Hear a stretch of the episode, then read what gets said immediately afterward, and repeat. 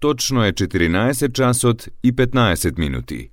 Ја следите програмата на македонски јазик на јавната медиумска установа Радио Телевизија Војводина, трета програма. Емисија Македониум. Svi mi zajedno činimo Srbiju. Всі складовою Сербії. Всички ми вједно представјаме Србија. Svi mi zajedno činimo Srbiju. Сите ние заедно ја сочинуваме Србија. Изјаснете се слободно за својата национална припадност. Попис на населението, домаќинствата и становите 2022. Учествувај во пописот. Остави трага. 1 до 31 октомври 2022. Učestvuj u popisu Ostavi trag od 1. do 31. oktobra 2022.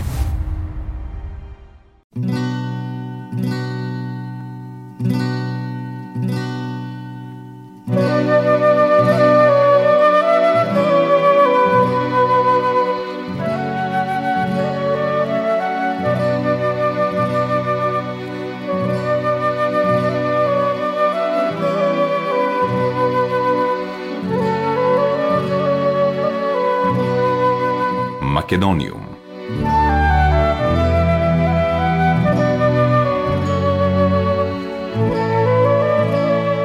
Добар ден и добре дојдовте во најновото издание на емисијата Македониум. Со вас, почитувани слушатели, и денеска е вашиот уредник и водител Јулијана Милутиновиќ, како и секоја среда со почеток во 14 часот и 15 минути на фреквенцијата на третата програма на радиото при Радио Телевизија Војводина Радио Нови Сад.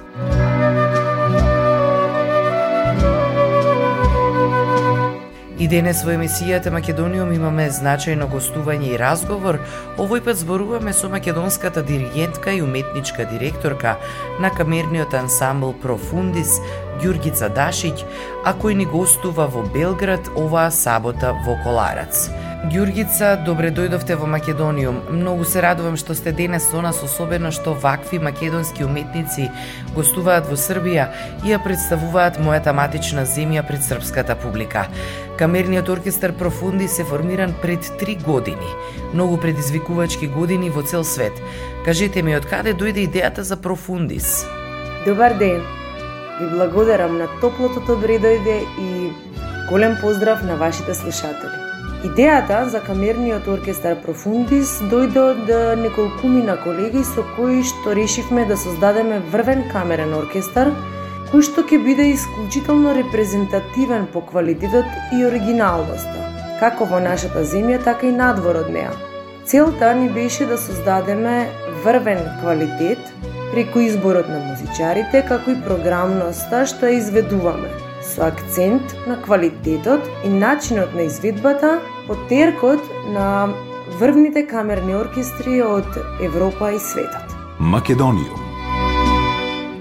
Знам дека во овој ансамбл членовите се истакнати македонски инструменталисти, од кои голем дел се и мои пријатели, а се вработени во двата професионални македонски оркестри, оркестарот при операта и балетот и филхармонијата што е она по што Профундис се разликува од другите камерни оркестри?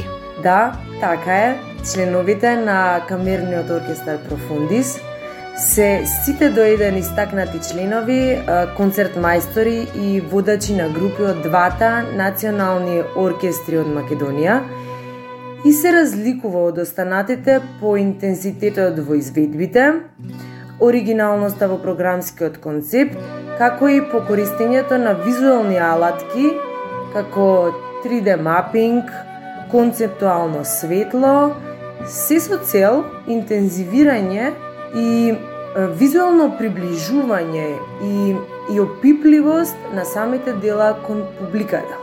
Македониум. Во Македонија досега Профундис има многу представувања, есенски музички свечености, денови на македонската музика, Златна лира и Охридско лето, со кои уметници во Македонија соработувате.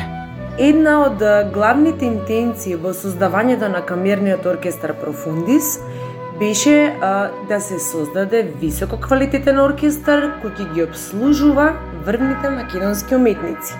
Во овие три години успеавме во голема мера да ја реализираме таа идеја и остваривме соработка со Владимир Костов и Ана Кондратенко, кои се концерт мајстори во Македонската филхармонија. Потоа со нашиот истакнат светски тенор Благој Нацовски, нашите врвни солисти и професори Марија Ѓошевска, Љубиша Кировски и Славица Мицковска, потоа нашата оперска певица Наде Талевска и многу други со кои настапивме како дел од програмата на споменатите фестивали.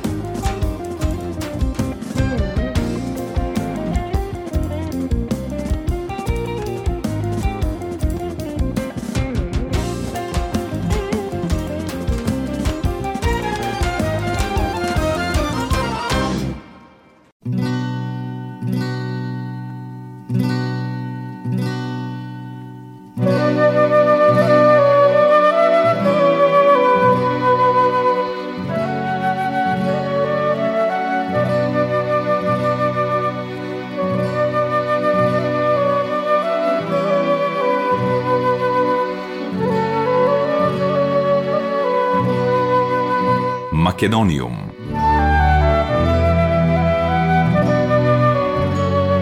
Во денешното издание на емисијата Македониум разговараме со Ѓургица Дашиќ, диригентка на Камерниот оркестар од Македонија Профундис. До сега Профундис имаше неколку успешни гостувања вон границите на Македонија, чија публика имала можност да ужива во вашите концерти. Да, како дел од интернационалните настапи кои Камерниот оркестар Профундис ги има реализирано, во кои се вклопува и овој што сега ќе биде во Коларац, се вбројуваат настапите во, во Италија, тоест поточно во Перуджа, Соренто и Амалфи, потоа во Србија, во Лесковац, на кои се представивме во рамките на фестивалите во тие градови. Македониум Во Србија и во Македонија имате настапувано со српскиот виолинист Јован Богосављевиќ. Во сабота ќе имате заеднички концерт со музичари од Камерен оркестар, 13 гудачи од Србија и солистите Ирина Муресану и Уки Оваскаинен. Што можете да ни кажете за овој настап кој веднаш после Белград е закажан и за Скопје? Концертот во Коварац за нас како ансамбл представува наше најголемо достигнување на интернационално ниво о, за овој краток период од кога постоиме. Престижноста на салата го збогативме со одлична идеја која ретко успева да дојде до реализација, но ние имавме таа среќа и привилегија да договориме заеднички настап со врвниот камерен ансамбл 13 годачи од Белград. Веќе година дена траат подготовките и преговорите за овие настапи. Со тоа што на концертите во Белград и Скопје ќе настапи светски познатата виолинистка Ирина Морезану, која на наша голема радост го прифати ангажманот со големо задоволство, како и поради квалитетот на двата камерни состави, така и поради жилбата да настапи за прв пат пред српската и македонската јавност. Целината на, на целокупниот проект се заокружува, како што и самиот наслов на концертот Фузија, со настапите во Белград и во Скопје. Концертот за пијано број 3 на српскиот композитор Иван Јефтич, кој ќе го изведе истакнатиот српски пијанист Уки Оваскаинен, е дел од концептот на двата камерни оркестри за негување на домашните автори. Како куриозитет на овој концерт е што на концертот ќе диригираат два диригенти, јас и колегата маестро Срѓан Сретеновиќ со кој имаме одлична соработка, како и промената на, на лидерските позиции во оркестарот за време на концертот. Македониум. Кој дела ќе има можност публиката да ги слушне на овој концерт? На програмата ќе се најдат исклучително виртуозни дела кои ги подготвувавме подолг период, како Бенджамин Бритон, варијации на тема од Френк Бридж, Астор Пиацола Зима, Антонио Вивалди Пролет, како и ефектната и ретко изведувана романска рапсодија број 1 од романскиот композитор Жорж Енеску. Македониум.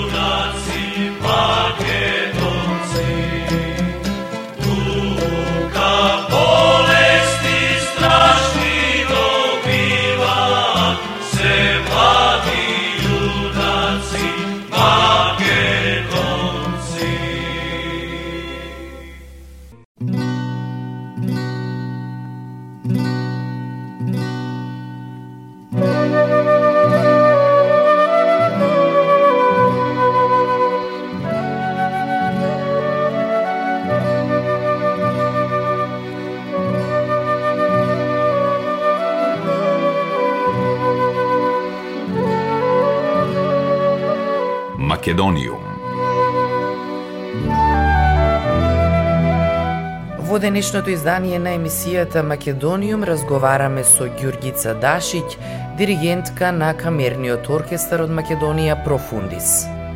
За крај во денешниот Македониум, дали можете да ни кажете нешто повеќе за идните планови на оркестарот Профундис? Да, а, веќе сме во подготовки за распоредот на концерти за следната концертна сезона. Во контакт сме со врвни уметници да бидат гости на Камерниот оркестар Профундис во Скопје.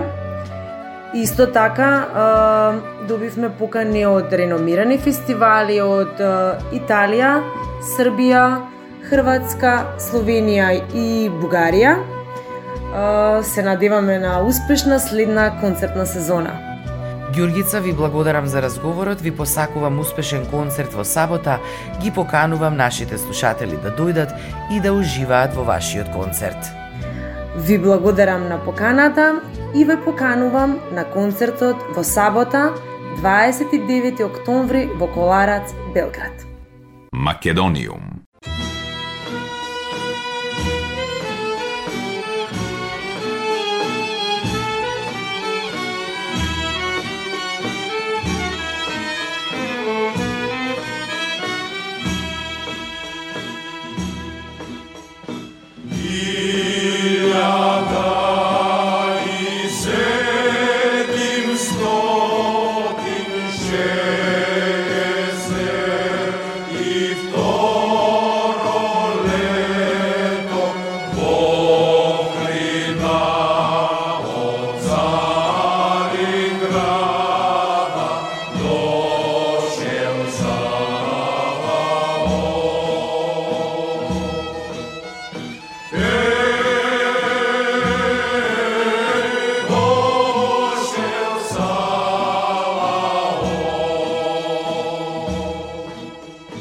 Sim.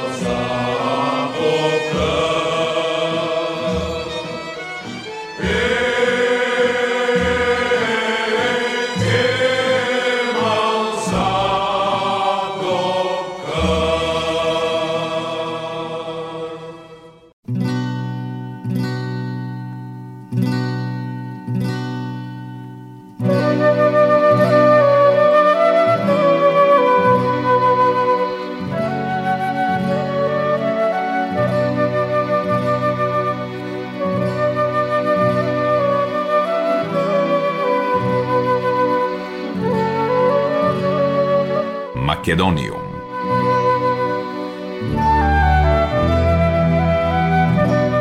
Почитувани слушатели, тоа беше се во денешното издание на емисијата Македониум. До следната среда во исто време срдечен и голем поздрав од вашиот уредник и водител Јулијана Милутиновиќ. Ја следевте програмата на македонски јазик, емисија Македониум.